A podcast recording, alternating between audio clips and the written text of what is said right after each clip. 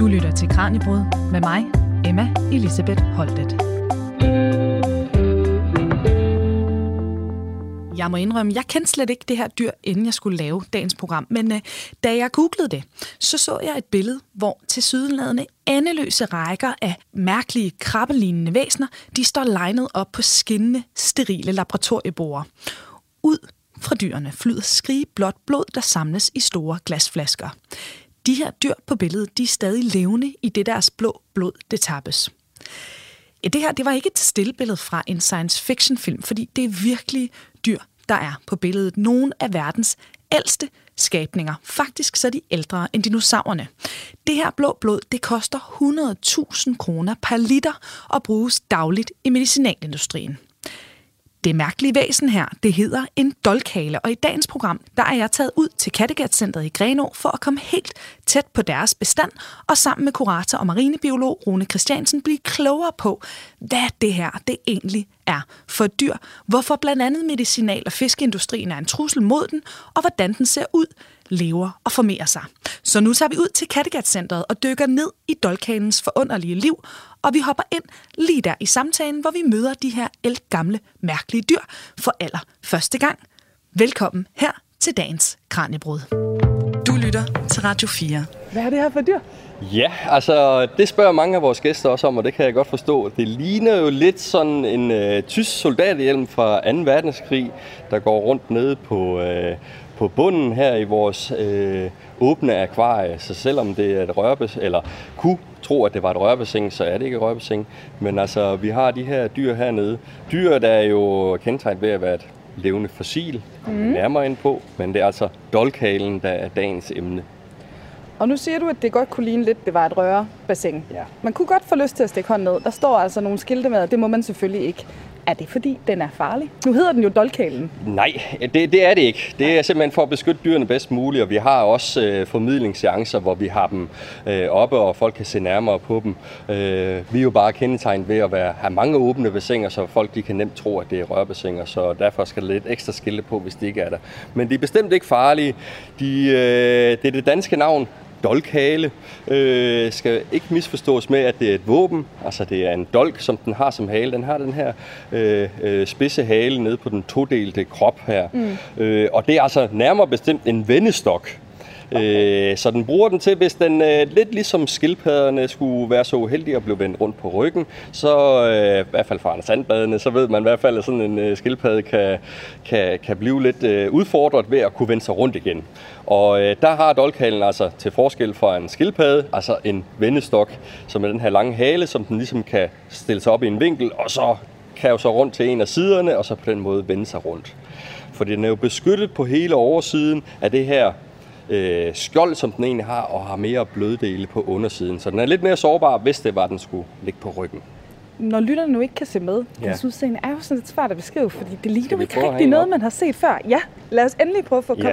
Så kan vi prøve at se på, hvordan den øh, lidt nærmere er beskrevet. Ja. Lad os prøve at tage en op her, og som okay. sagt, så øh, der er også et typisk spørgsmål fra vores gæster, der siger sådan, jamen øh, på engelsk hedder den jo faktisk en horseshoe crab. Mm. Og øh, det skal ikke øh, misforstås med, at det faktisk er en krabbe. Selvom det nok er det mest nærliggende, man tænker på, når man ser den.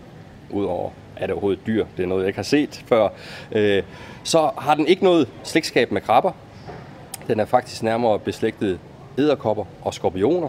Dens øh, øh, nære slægtningen er jo øh, uddøde. Det er jo faktisk, som jeg sagde til at starte med, et levende fossil. Den har jo eksisteret i over ja, 450 millioner år før dinosauren, lang tid før dinosaurerne har overlevet de her fem masseuddøender. Så øh, det er jo et simpelt system, men det er et system, der virker.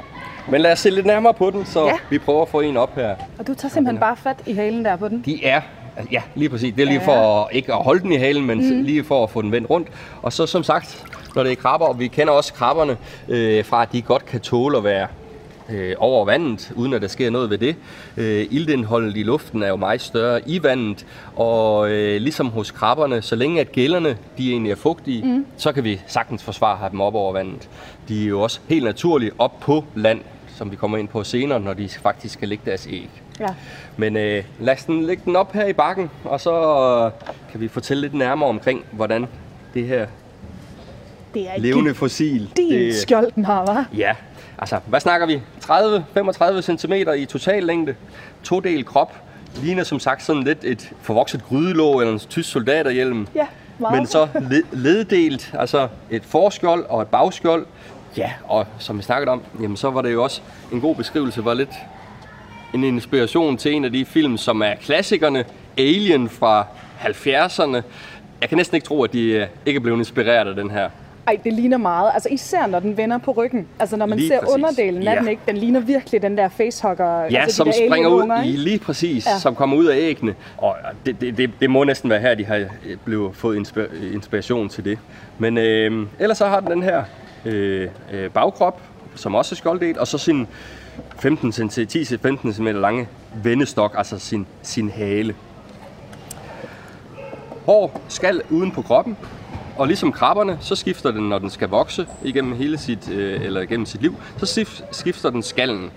Øh, så den er jo ikke ligesom os, der bare kan, kan vokse videre. Så ligesom krabstyrene, selvom det ikke er et krabstyr, så for at vokse, så skal den altså lige så stille, eller ud af sin skal, og øh, samtidig med, så øh, når den trækker ud af den ligesom skallen, eller ligesom krabben, jamen så er den egentlig blødere i skallen, og så går der et par dage til, at den ligesom puster vand ind i kroppen, bliver det større, og på den måde så øh, vokser den og får en ny skal udenpå sig.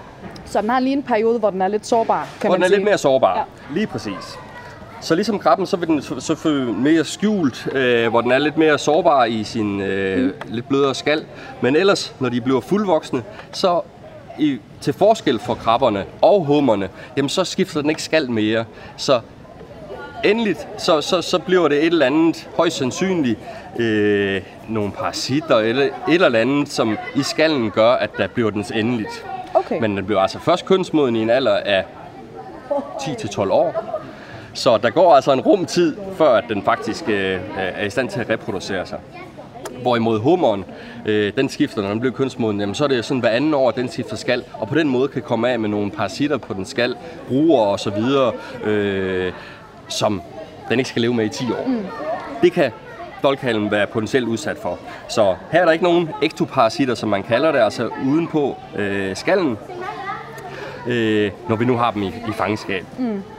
Så det sørger vi selvfølgelig for. Men ude i naturen kan man sagtens finde dyr, hvor de netop vil, vil have alle mulige øh, ting udenpå. Ligesom et sneglehus vil også vil have. Hvad er det? Ja, hvad er, ja, hvad er det? Har I set sådan en før? Øh, det har vi aldrig. Nej. Lever den i havet? Ja, nu får vi lidt gæster på besøg her, hvor vi sidder på kanten af bassinet her i, øh, i Kattegat Centerets udstilling. Det er en dolkhale, og er et levende fossil. Den har levet her før, eller på jorden før dinosaurerne kom, lang tid før. Og øh, lige minder lidt om en krabbe, men har ikke noget med en krabbe at gøre. Dens nærmeste slægtninge er skorpioner, æderkopper, men ellers så er der faktisk ikke rigtig nogen, der er nært beslægtet med den. Den er helt sin egen. Men er det ikke sådan en med blåt blod? Så vidste du alligevel noget om den. Det er nemlig rigtigt. Den har blåt blod, og øh, det er jo lidt atypisk, fordi vi kender nok mest til rødt blod, som vi, vi mennesker også selv har. Men øh, der er dyr, der har blåt blod, og øh, hvorfor de har det, det er fordi de har, i stedet for jern, så har de faktisk noget kover i deres blod, som er det ildbindende protein i, øh, til at, at transportere Er ilten rundt i blodet. at røre dem? Nej, I må gerne røre ved den. Det er ligesom sten, det her. Ja, det er ligesom et krabbeskjold. Og hvad er det her? Heromme, der ligger gælderne. Så hvis vi ligesom skal beskrive undersiden af den, nu har vi fået den vendt rundt her, så på undersiden, der er den lidt mere sårbar. Der ser vi beskyttet af den overskal, som er der, det her grydelåg, eller den her gryde, eller soldaterhjelm. Jamen så har vi de her 10 ben, fem på hver side. Inde i midten af benene, der er en masse hår, og munden sidder herinde imellem benene. Den kan ikke rigtig øh, tykke maden, det gør den egentlig ved at bevæge benene. Foran munden, der sidder der ligesom sådan nogle små klosakser, der kan minde lidt om krabbekløerne, til at servicere og finde maden og få det ind i munden. Og øh, den lever jo, i og med den nede på bunden, så lever den jo mest af bundlevende dyr, så den svømmer jo ikke rundt eller fanger hurtigt svømmende fisk eller byttedyr, så den lever rigtig meget af, hvad den finder på sin vej. Det kan være langsomt bevægende dyr, det kan også være ådsler, som den simpelthen sætter sig over og så pelleterer, eller lige så stille øh, piller fra hinanden og tager op i munden. Øh, på første del af, af dens todelte skjold her, der var som sagt benene og munden. På anden halvdel af dens, dens skjold, der har den gælderne. Og det er faktisk den pri- mest primitive form for gælder, som vi, som vi finder i, i, i dyreriget. Det er det, man kalder boggælder. Og det hedder de, fordi de sidder ligesom siderne i en bog. Ah ja, okay. Hele vejen ned her, der sidder, der sidder sådan nogle blade her, hele vejen rundt her. Og hvis vi tænker, de er mere udviklede øh, gældesystemer ved fisk for eksempel, jamen så er det jo helt fine øh, gældefilamenter, der sidder inde bag ved gældelåget, som der kun er et cellelag imellem vandet og blodbanen, så der hurtigt kan diffundere blod, eller hvad hedder det, ilt ind i blodbanen, og på den måde gælder det her. Det her det er et helt primitivt system, så det er stadigvæk sådan relativt tykke gælder, og måske ikke så effektivt til at tage ilten op som så mange andre mere moderne udviklede gældesystemer. Under gælde nummer 1 her, der sidder paringspapillerne. Det her det er en han. Det kan man også kende på, når de bliver kønsmodne, så hannerne, de øverste øh, ben, de har, bliver omdannet til ligesom at få sådan en boksehandske med en lille hængsel eller lille klo på, og den bruger de faktisk til, når de i paringsperioden skal sørge for at være det rigtige sted sammen med hunderne, så hægter den sig faktisk bagpå, og det passer lige til at sidde øh, i toppen af anden øh, leddel på hunderne. Så på den måde, så kan de faktisk danne sådan, ligesom et tog, i hvert fald hunden og hannen bagefter øh, er på slæb, og nogle gange så er der flere hanner i række efter, så hunden hun skal slæbe på, på flere af gangen. Men øh, det er jo for, øh, at når de senere tager op på stranden for at, at lægge deres æg og grave dem ned, så er hannen lige efter, når hun går forbi efter at have gravet dem ned, så kan han gyde sin sæd ud over. Så der er forskel på, når de bliver kønsmodne, så vi kan se forskel på hanner og hunder. Hanner har altså de her to øh, hængsler, så den kan hække sig fast på, på hundernes bagskjold. Og Rune, der er jo begyndt at komme liv her Ja. i Kattegat-centret. Skal vi, øh, vi nå gå ned lidt? med øh, backstage? Lige præcis. Lad os gøre det. Hej, det er en golfkale. Du lytter til Radio 4. Og i dagens program, der er vi taget ud af studiet. Vi er nemlig på besøg i Kattegat-centret i Greno, og her er vi lige nu sammen med kurator og marinebiolog Rune Christiansen i fuld sving med at blive klogere på et af klodens allerældste dyr. Det er dolkalen. Så kommer vi om her backstage. Sæt os ind her. Nu er vi simpelthen på vej ind på dit kontor, Rune. Ja, Ja, og vi har taget dolkalen med. Og det kan den som sagt Ja. nemt holde. Altså selvfølgelig er det jo et marint dyr og er vant til at være i vandet. Øh, men så længe gælderne er fugtige, jamen, så er der ikke noget problem med at have den over vand. Og som sagt, så kan de jo, øh, er de også tilegnet til det, når de netop skal op og, og lægge deres æg, jamen så er de over vand i adskillige timer. Når vi transporterer dem, så sørger vi bare egentlig for, at, at øh, de er i et fugtigt rum, øh, eller kasse, mm. og på den måde så er det bedre, fordi så bliver vandet ikke dårligt eller bliver iltfrit. Så øh, sådan gælder det for mange krabstyr, selvom det ikke er et krabstyr det her. Så kan vi bruge de samme principper. Og hvor lever dolkalerne normalt hen? Nu har I dem jo på, på lavt vand, men det er jo ikke nødvendigvis sådan, de lever ude i, i naturen. Nej, altså, de kan, den her, der findes fire arter i, i verden af, af dolkaler, og den vi har, som også er, er mest kendt, det er den atlantiske art, som hedder Lim, eller, øh, polyphemus, øh, Limulus polyphemus, og atlantisk dolkale hedder den. Og så har vi tre arter øh, i Asien, øh, og, men det er altså den atlantiske art, vi har her. Det er den, der er lavet mest forskning på, mm. fordi som vi også kommer ind på senere, jamen så er det blevet brugt rigtig meget øh, som forskningsdyr, øh, den her øh, dolkhale. Men øh, typisk så kan de leve fra øh, kystnært, men ellers også ud til 20, 30, 40 meters dybde, Okay. øh, uden problemer. Og så er det jo timet, årscyklusen er, øh, hele vejen ned langs, hvor de lever jamen, helt op til New York, øh, og på den amerikanske østkyst ned til Brasilien finder vi, øh, finder vi dem her. Og en gang om året tager de ind på lavt vand, og det er timet med, det er typisk i, i eller det er i foråret, men øh, timet styret ved hjælp af månecyklusen.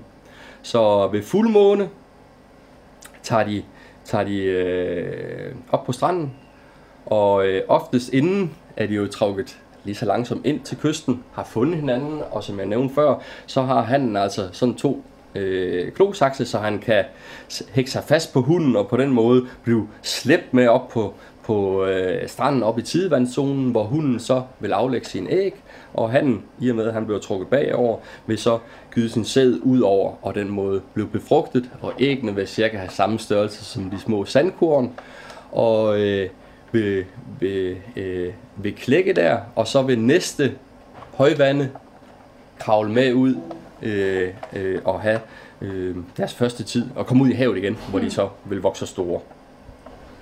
Nu ligger den godt nok. Den øh, bliver ved med at ligge og bevæge sig noget rundt. Den bevæger sig lidt, selvfølgelig. Ja. og det er det, vi lidt kan høre i baggrunden her, når den kommer rundt. Men ellers så er den jo stille og rolig, øh, og ikke videre påvirket af, at, at, at vi har den oppe i bakken her. Nej. Og altså, når den øh, lever ude i naturen, Ja. hvordan ser livet for en dolkale ud? Vi skal jo tænke på, at det var jo, den her har eksisteret før, at nogle af dyrene begynder at gå op på land. Mm. Ikke også? Så det var ligesom det første til at bruge lidt på øh, øh, det terrestriske miljø, altså stranden bare til at lægge æg og sådan nogle ting. Så vi snakker det helt primitive, ikke også? Så der er nok ikke så meget øh, imponeret i, i dens livsstil. Det er helt primitivt. Gå ned på bunden, finde sin føde. Den er jo ikke hurtig på nogen måde og skal jagte noget bytte på den måde. Så det er, hvad den finder på sin vej. Og lidt ligesom en krabbe, jamen så øh, kan den være heldig at finde nogle orme. Snegle, den er i hvert fald ikke kredsen. Mm. Øh, og på den måde også ådsler, øh, som du nævnte. Mm finder en stor fisk, jamen, så kan det være en hel bunke af dolkhaler, som ligesom øh, øh, prøver at få noget øh, føde ud af det, med den små klosakse på undersiden og ind til munden. Og nu var der altså en af drengene, vi mødte ude mm. ved akvariet der, han øh, sagde jo også, det her, det minder jo nærmest om sten. Jeg vil give ham ret, den er meget, meget tyk, den her skæld. Hvem er det, dolkalen beskytter sig imod med det her skjold? Nu har den haft mange fjender igennem de mange Ja. millioner år, den har været her, så det har jo været et bredt spekter, ikke også? Og man kan jo sige, øh, øh, når den er i fuld voksen størrelse her på de her, jamen, som en god lille stegepande, kan man næsten, og så med den her 15-20 cm hale, jamen så er det nok begrænset. Det er en stor fisk, der skal, skal spise den, hvis det endelig var. Der, hvor de er mest sårbare, det er, når de kommer, bliver vendt rundt på ryggen, og de har deres lidt mere bløde dele mm. øh, på undersiden. Og det er specielt, når de kommer op i bølgezonen, når de skal lægge deres æg, så kommer de op i hundredvis, tusindvis. Jamen stranden, de kan være helt dækket af dolkhaler, der er der. Og nogle af dem bliver væltet rundt i bølgerne. Fuglene har evolutionært også, der er trækfugle, der, der trækker ind over for at, at, at leve de her æg, mm. øh, på, og har timet samtidig, som øh, dolkhalerne kommer op. Og, øh, øh, og sådan en måge, hvis den ser sådan en her, kan jo godt hakke ned i de bløde dele, hvis den ligger på ryggen. Så der er den mest sårbare. Ellers så er det begrænset, hvad den egentlig har af, af, af naturlige fjender, mm. udover os mennesker, som fylder mere og mere, bliver flere og flere, og i, i, i faktisk i, i flere hundrede år har, har brugt den både som lidt som, ja, den er jo nem at indsamle, både når de ligger op på stranden der, der har man brugt den op i store container til at køde med. Ja. Øh, markerne har man faktisk Okay. okay. jamen, øh, nærmest levende bare smidt dem ud der, og mens de døde og lå og lugtede, jamen, så var det en, en, en form for gødning øh, til marker.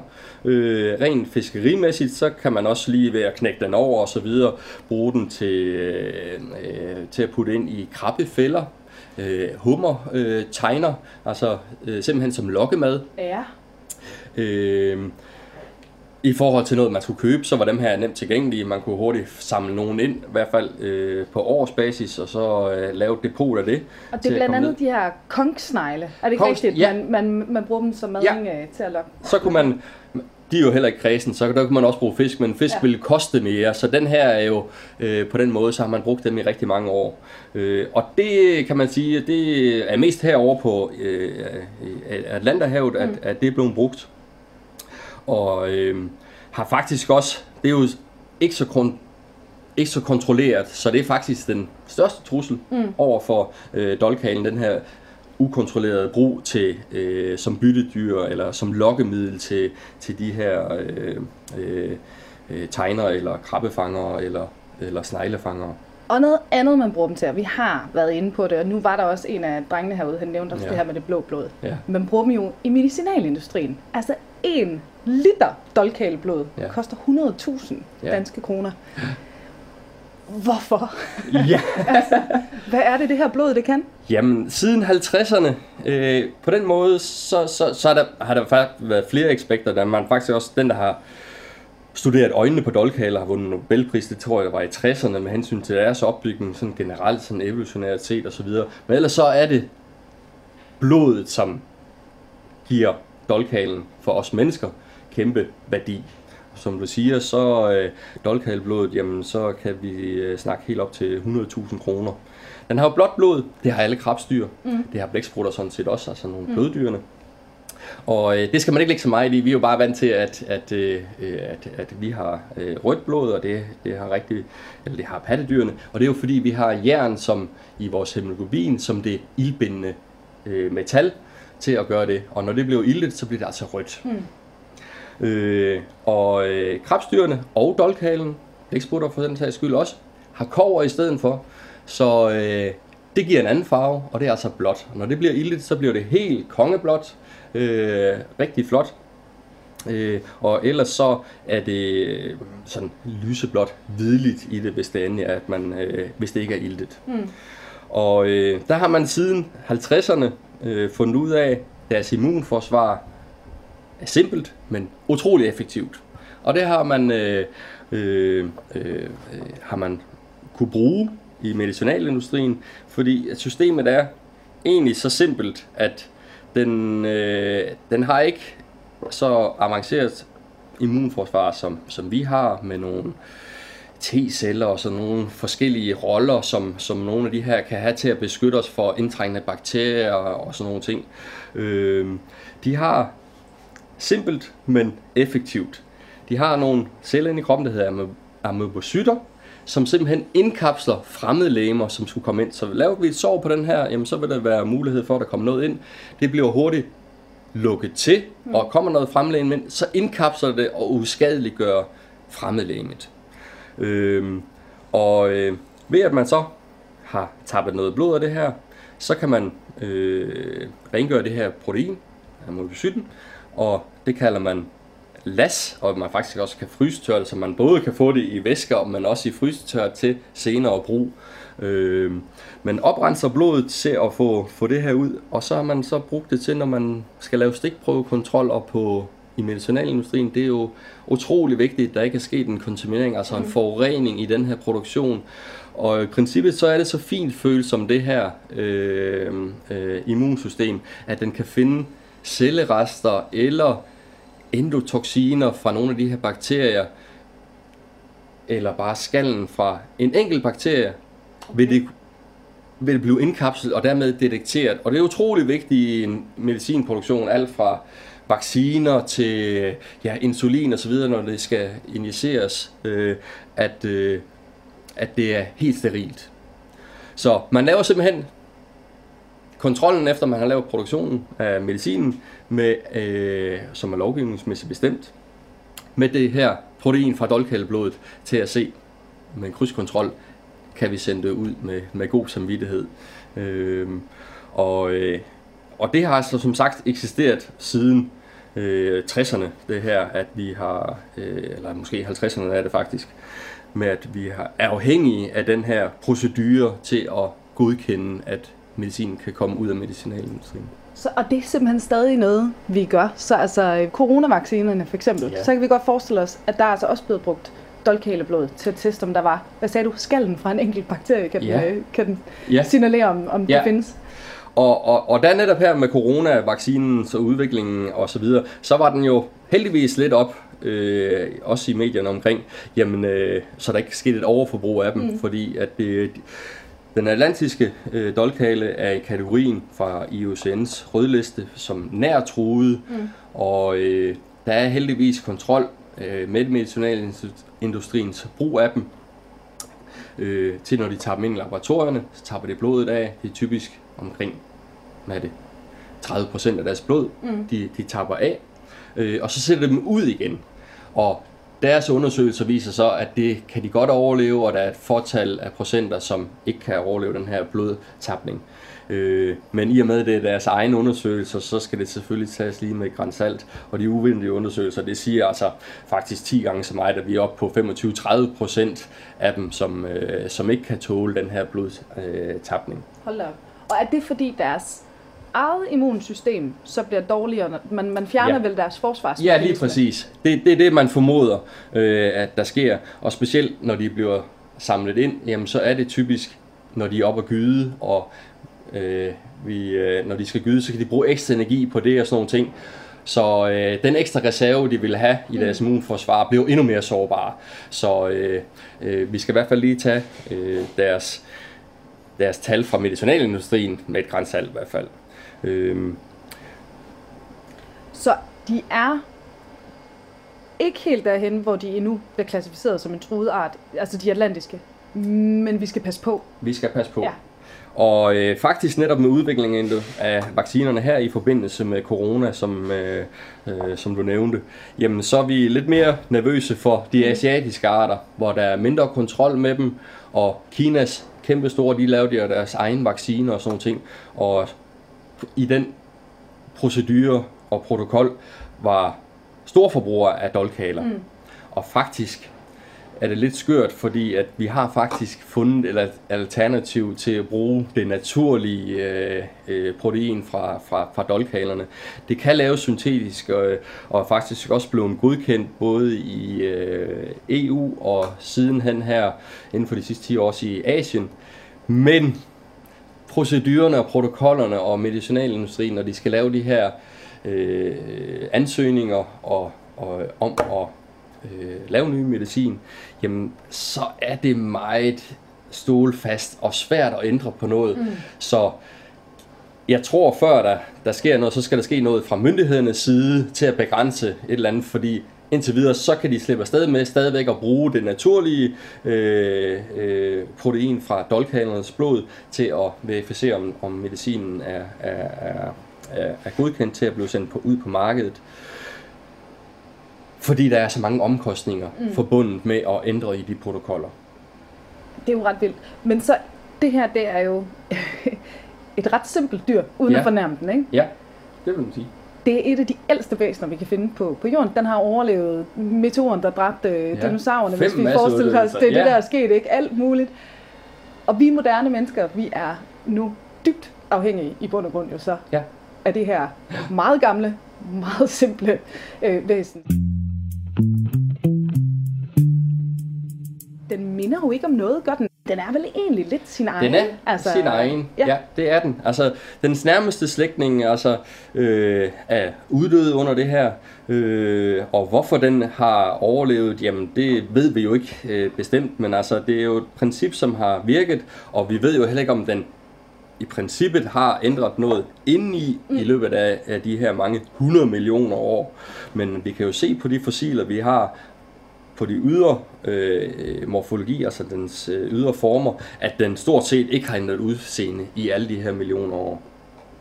Så, øh, men det er da utroligt, at vi stadigvæk her i 2022 er afhængige af sådan et dyr, som har levet før dinosaurerne. Det er jo helt vildt. Men man kan også sige, at den havde bare en god grundopskrift, ikke? Altså, den har vel det her Ja. enormt gode forsvar, som jo så er det, vi nyder godt af, når vi så låner blod til at teste de her ting, ikke? Primitivt, men det virker. Men det virker. Det den virker. er bare vildt god til Så, så selvom nogle af de forsøg, som vi også har lavet her, hvis vi har nogle projektstuderende inde, jamen det er også noget med paringsadfærd i den her, om hannerne de tager fat på hunderne, og, og, og der har vi faktisk forsøgt sådan noget med en stegepande og et grydelåg og sådan nogle ting. Ja. Og der kan de øh, ikke kende forskel, når de øh, har lidt konkurrence med hannerne, så de, øh, vi har også hanner, der har altså sat sig fast på en stegepande, fordi formen har været der, og det, det tegner rigtig godt og sådan nogle ting.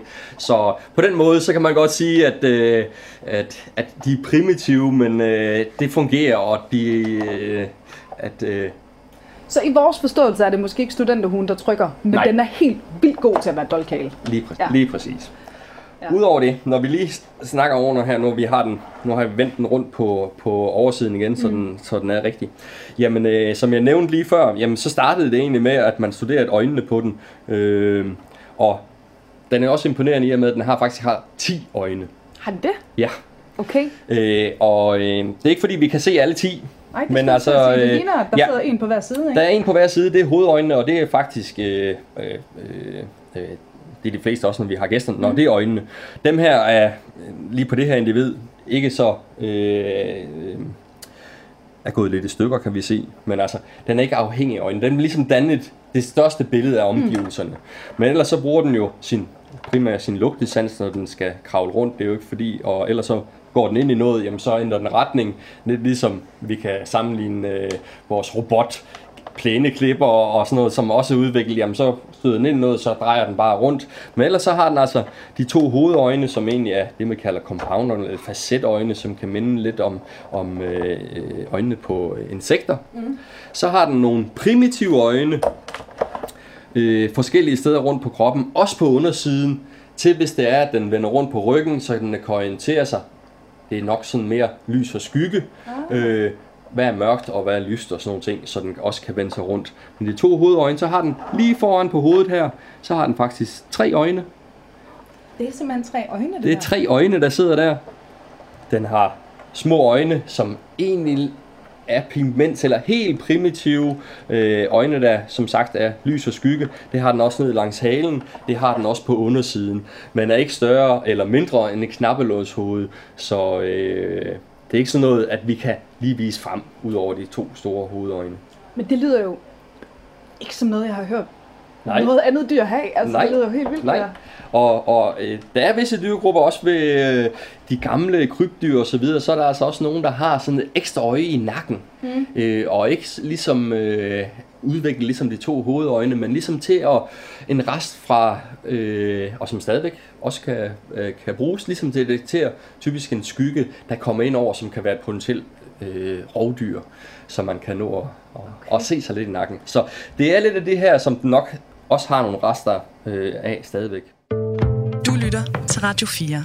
Og i dagens program, der er vi taget ud af studiet. Vi er nemlig på besøg i Kattegat-centret i Greno, og her er vi lige nu sammen med kurator og marinebiolog Rune Christiansen i fuld sving med at blive klogere på et af klodens allerældste dyr. Det er dolkalen. Der er ligesom to, det kan man godt identificere som øjne, to sådan Ja. større øjne, en på hver side af den her skal. Og så som du plejede på, det var altså sådan Lige- tre bitte små huller op foran, så Ja. ja. altså så også er øjne. Ja. Så er der jo alt, altså er det noget, der spiser af overfladen på skjoldet? Der er jo også en masse andre huller jo rundt omkring. Ja, det her, nu er den her jo kønsmoden, det er jo en, en, en dolkhale, som vi har fået ind i samarbejde med Aarhus Universitet. Inde på sofafysiologi, så har de nogen herude, som de, øh, som de bruger som forskningsdyr, når mm. de har øh, studerende herude. Så de kommer herud en gang imellem øh, og kigger på dem. Og i og med, at det er øh, et fuldvoksen dyr, så skifter den altså ikke skallen. Så ligesom hummeren den kan blive fri og sådan nogle ting, så kan der jo sidde parasitter på den, som kan gnave lidt i, øh, i, i, i skallen. Der kan også komme algebelægninger, som også kan være til hinder for den. Det kan vi jo være øh, proaktive på, sådan nogle ting. Men øh, endeligt, vi ved jo ikke rigtig, hvor, hvor, hvor gamle de kan blive og, mm. og sådan nogle ting. Øh, men øh, de bliver jo kønsmodne i en alder af 10-12 år, og derefter så skifter de ikke skallen øh, mere. Så øh, det kan være alt efter, om det er 5 eller 10 år, alt afhængig hvad, hvad de bliver udsat på på skjolden. Mm. Kommer der en stor ruer øh, på her, så vil den også på en måde øh, forhindre øh, og, og øh, øh, udviklingen af skallen videre, og måske også grave nogle huller. Så det her, det er nok øh, øh, de her små ujævnheder mm. i skallen i de her år, hvor den altså ikke har mulighed for, så kommer der øh, små krabstyr, øh, orme og så videre, som kan leve. Det kan også være alger og sådan noget, som hele tiden ja, lever på, mm. på skallen. Og der kender vi også fra eremitkrabsen, sneglehus, jamen det er lige før, at vi kan finde et helt biota, der kan leve, eller det kan vi finde oven på sådan et, et, et, et sneglehus, hvor der kan leve ja, øh, 10-20 forskellige øh, øh, dyr Okay, og planter. hold da op. Ja. Og så på et eller andet tidspunkt, så bliver det dens endeligt. Altså, Det er højst sandsynligt, det der, mindre der er en måge ude i naturen, som gør det, så vil det nok være øh, den langsomme mm. nedbrydning af skallen, som vil gøre den sårbar. Ja. Og nu nævner du øh, zoofysiologi og Aarhus Universitet, ja. Og nu snakker vi jo lige før om det her med blodet, og det her med, Ja. at man tapper blodet. Jeg ved, du faktisk engang har været med til at prøve at tappe blodet fra Ja. en dolkhale. Ja. Men det var også sammen med Aarhus Universitet. Det var også sammen med Aarhus Universitet, og øh, Øh, de bruger det jo til øh, forskellige ting. Vi har både lavet øh, øh, opdræt på dem. Mm. Det kommer man måske ind på senere. Men ellers så, når vi skal tage blod, så skal man ligesom forestille sig, at den har jo et lukket blodkarsystem. Så på den måde, så er den ikke så primitiv. Men øh, inde bag ved sine to leddelte øh, har vi ligesom det her hængsel, hvor bagkroppen ligesom sidder fast på. Lige inde bag ved det her, der er der sådan et, et blødt, en blød streg, hvor hjerteposen sidder indenunder. Mm. Så øh, det de også gør, når de skal tage blod af i medicinalindustrien, det er, at de sætter dem sådan set op på et, et, øh, et stativ med en elastik, hvor de har bøj, bøjet bagkroppen ind over, og så kan de sætte en kanyle ind øh, direkte ind i hjerteposen, og på den måde tabe det her blod, øh, blod af. Og så oprense det for, for, for proteinet. Og typisk så øh, skal øh, tapper de det her omkring 50-60 ml øh, blod af sådan en voksen dolkhale. Og måske skulle man kigge lidt nærmere i første instans på, om den mængde skal nedsættes lidt for at højne øh, overlevelseschancerne for dem, fordi øh, som sagt, så, så er det lidt deres egen overlevelsesforsøg, øh, som, øh, som blander grobund for, hvad, hvad de må tabe af. Og hvis det kan en mindre blodmængde tappet af, hvis det kan højne blod eller overlevelsen øh, signifikant, mm. så er det jo det næste skridt, man også skal tage. Ja. Det her med at have dolkaler i et akvarie, Ja. hvor almindeligt er det? Er det normalt noget, som akvarierne de har? Nej, det er det sådan set ikke. Vi er for eksempel de eneste i Danmark, der mm. har den, og vi har jo haft den siden vi fik den introduceret og var i forbindelse med Galatea 3-ekspeditionen. Og det har været, hvad har det været, i 2006. Mm. Øh, det var i forbindelse med, at, at øh, Galatea skulle over og indsamle dem her, og forskningsprojekt med øh, Aarhus Universitet skulle til at kigge nærmere på dolkhalerne. At vi ligesom blev station for at kunne, kunne have dem her på, øh, på Kattegat Centeret. Og øh, der er selvfølgelig også en formidlingsforpligtelse i det, i og med at det også var i, øh, i Galatea 3 ekspeditionen, så vi fik indrettet en udstilling til det, og lige siden har vi fortsat det øh, forskningssamarbejde med, at vi har dem herude, øh, så øh, universitetet kan bruge dem, hvad de har behov for, men ellers så er det altså en relativt sjældent, at vi ser dem i, i, i fangenskab, mm. øh, og i hvert fald her i Danmark, så er det Kattegat at man øh, skal komme og se dolkaler. Men ellers så er det jo hårdføre dyr, og der er sådan set ikke... Øh, øh, på den måde, så har vi jo lidt i branchen også dyr, som vi som har en som har en gratis værdi, kan man næsten sige, rent branchemæssigt, fordi de er fascinerende i sig selv. De skal mm. ikke, og der har vi jo lidt som akvarie, jamen øh, vi skal konkurrere lidt med en, den gode historie med en torsk, kontra en løveunge eller en girafunge ja. med, med pels og øjenvipper osv., og, og skabe fascinationen igennem det her, så man ligesom får forståelsen for, igennem fascinationen, hvorfor skal vi beskytte det her dyr? Mm. Og der kan man være lidt mere udfordret som øh, akvarie med fisk øh, og dolkalen her, som folk måske, uh, har tøj at røre ved den, er den farlig og sådan nogle ting. Men igennem vores formidling ligesom kan skabe den her, det er også et dyr, som øh, er mega sejt og kan ja. skabe en masse fascination og har brug for beskyttelse også fremadrettet. Så øh, øh, på den måde, så møder vi gæsterne, som typisk starter med, hvad er det? Ja, at det var altså også mit spørgsmål, da du Ja. sagde, lad os lave et program om dolkalen, så Ja. sagde jeg, hvad er det? Jeg har aldrig hørt om Nej. det før, ikke? Og der starter vi jo helt fra, som vi også har startet. Øh, er det et, øh, noget fra rummet af, eller er det noget fra Alien og, og Ja. så videre? Ja, altså jeg vil bare opfordre lytterne, vi har jo øh, beskrevet den her undervejs, men endelig google lige dolkalen og se, hvordan den ser ud, og altså også hvordan man tapper det her blod. Det ser altså også ret syret Ja. ud, når man ser de der billeder af dem Ja. ja. legnet op, hvor det her blå blod, det så øh, kommer ud af dem og bliver, bliver iltet, ikke? Men ja, jeg havde ikke hørt om den. Nej. inden. Det er det, vi forhåbentlig kan, kan skabe mm. og få den der har-oplevelse, når man kommer herud. Ja. Og som sagt, så bruger vi den også til formidlingsmidler, indtil man kan se den i akvariet, men den kan jo også tåle at blive håndteret og tage op, så folk har mulighed for at, at, at se nærmere på den, og der er også røre ved den, mm. øh, ved de her chancer med en dyrepasser på siden selvfølgelig, så passer bedst muligt på dyret. Ja, og de må jo også, altså nu har vi jo snakket meget om, at de har det her helt vilde immunforsvar i kraft af deres ja. blod og alt det, det kan. De må vel også være ret nemme at holde, altså en taknemmelig art i virkeligheden at have i fangenskab. På den måde, så, så, så er de taknemmelige. Altså, vi, ja. øh, de er hårdføre dyr. Vi øh, øh, holder dem i relativt... De har jo kæmpe plasticitet også med hensyn til salinitet, temperatur og så videre. Alt fra helt ned til 15 grader, helt op til op over 30 grader kan de være udsat for. Så i forhold til mange andre dyr eller fisk, jamen så har de måske et mere snævert temperaturområde, også med hensyn til saltholdighed. De kan jo nærmest ikke helt i ferskvand, man kommer ind på brækvand, ind i laguner, på den måde, når de skal øh, tilpasse det er også rent evolutionært, når de skal op og gyde deres æg og komme ind i, i, i flodmundinger og sådan nogle ting. Så, øh, så dyreholdsmæssigt i zoologiske haver eller akvarier, jamen så er det et taknemmeligt dyr at holde. Ja. Rent fodringsmæssigt, jamen så skal der også noget foder ned på bunden. Det er jo ikke sådan, at de kommer hoppende hen, og vi fodrer dem og, og spiser det i løbet af 5 minutter. Det er en af de akvarier, hvor vi faktisk fodrer ved lukketid, så det ligger natten over. Mm. Så det er mest for, ikke fordi de er mere aktive om natten end de om dagen, men så har gæsterne ikke noget foder, der ligger på, på bunden og stiller spørgsmål til det, som man ligesom rydder op. Men så har de hele natten til at egentlig at, at, at, at lukke sig frem til, hvor er fodret henne og spise det, de har, har, har brug for. Og så samler vi det op om, om, om morgenen igen, så det ser pænt ud i akvariet. Og nu siger du jo selv, at altså, der går over lang tid, før de er kønsmodne.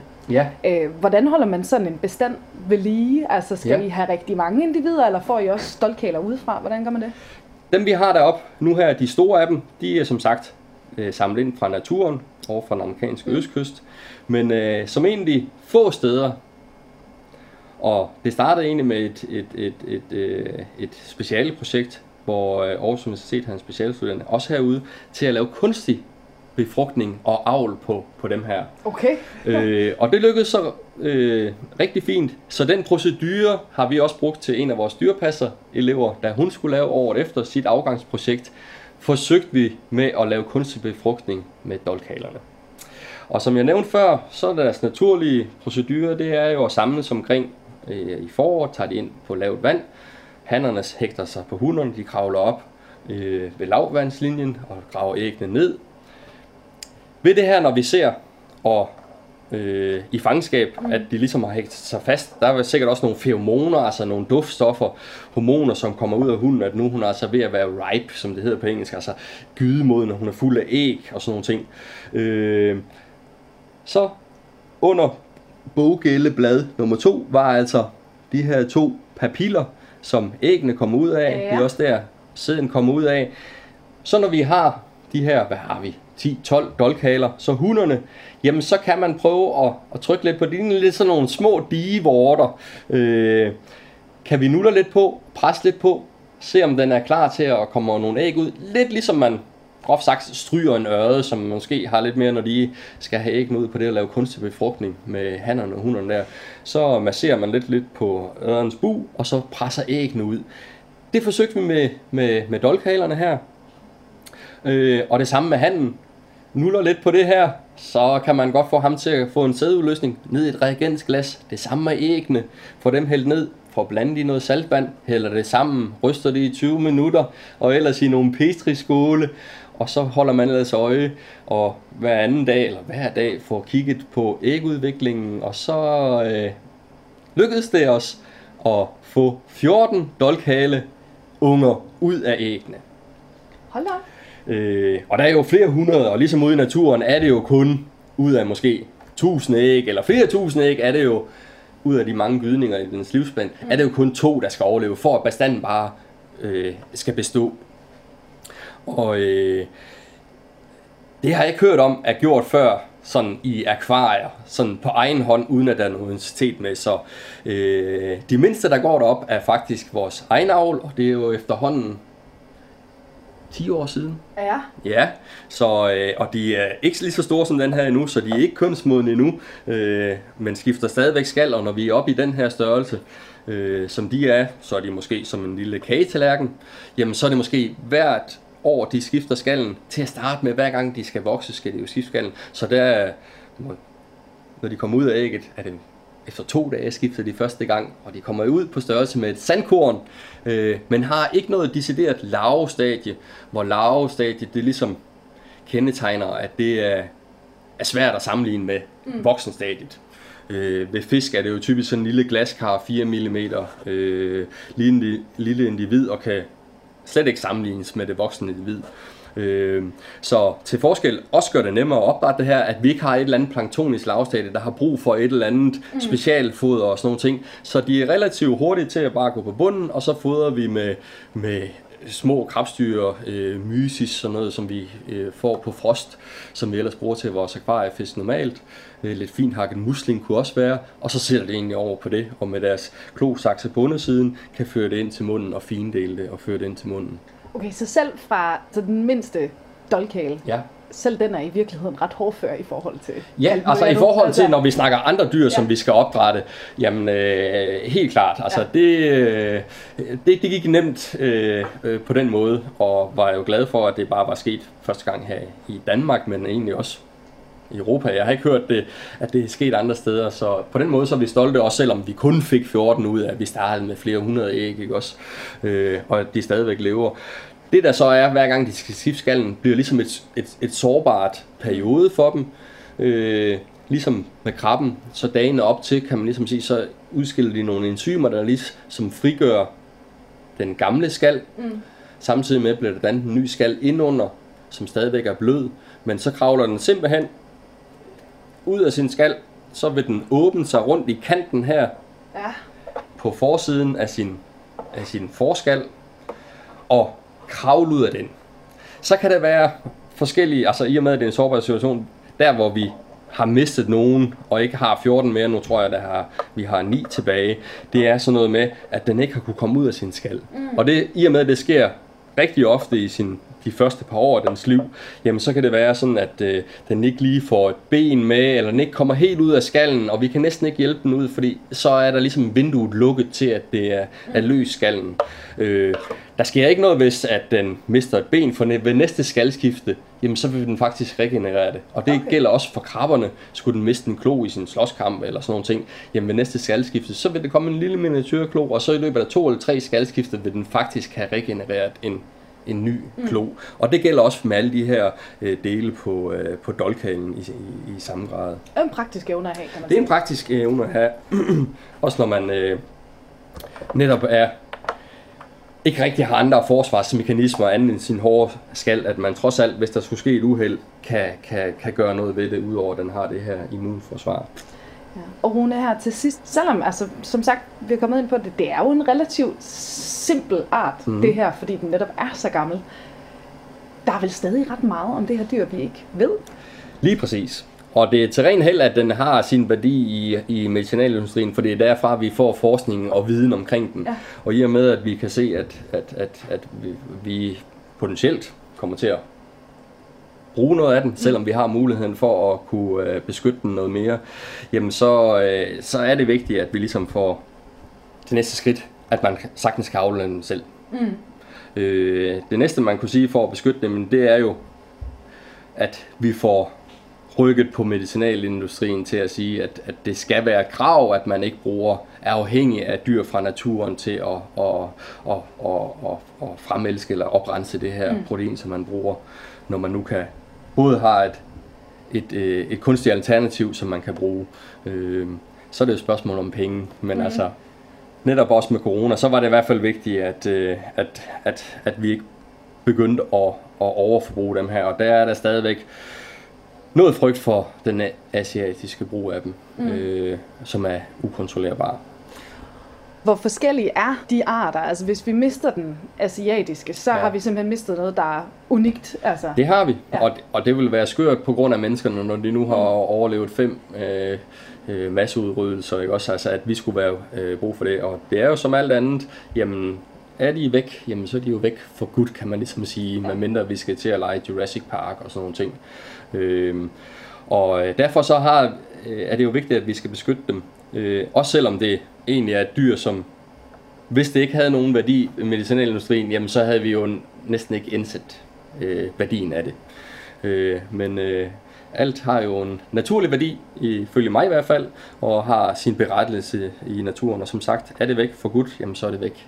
Og det synes jeg, det er øh, nogle kloge ord at slutte af på. Og jeg kan bare sige, ja. jeg synes, det har været vildt fascinerende. Jeg synes, det er helt vildt at få lov til at møde noget, der er ældre end en dinosaur. Ja. Helt enig. Jamen, øh, jeg er selv kæmpe fan af dolkaler. Ja, det er jeg så også nu. Ja. Jeg vidste ikke, hvad de var, men nu er jeg også kæmpe fan af dem. hermed, så siger vi farvel til Rune Christiansen og dolkalerne og farvel her fra Kranjebrudstudiet. Men i morgen, der besøger vi faktisk endnu en gang Rune ude i Kattegat-centret. Her skal vi nemlig blive klogere på blæksprutten. Så tak for nu, og på genhør. Programmet er produceret af Videnslyd for Radio 4.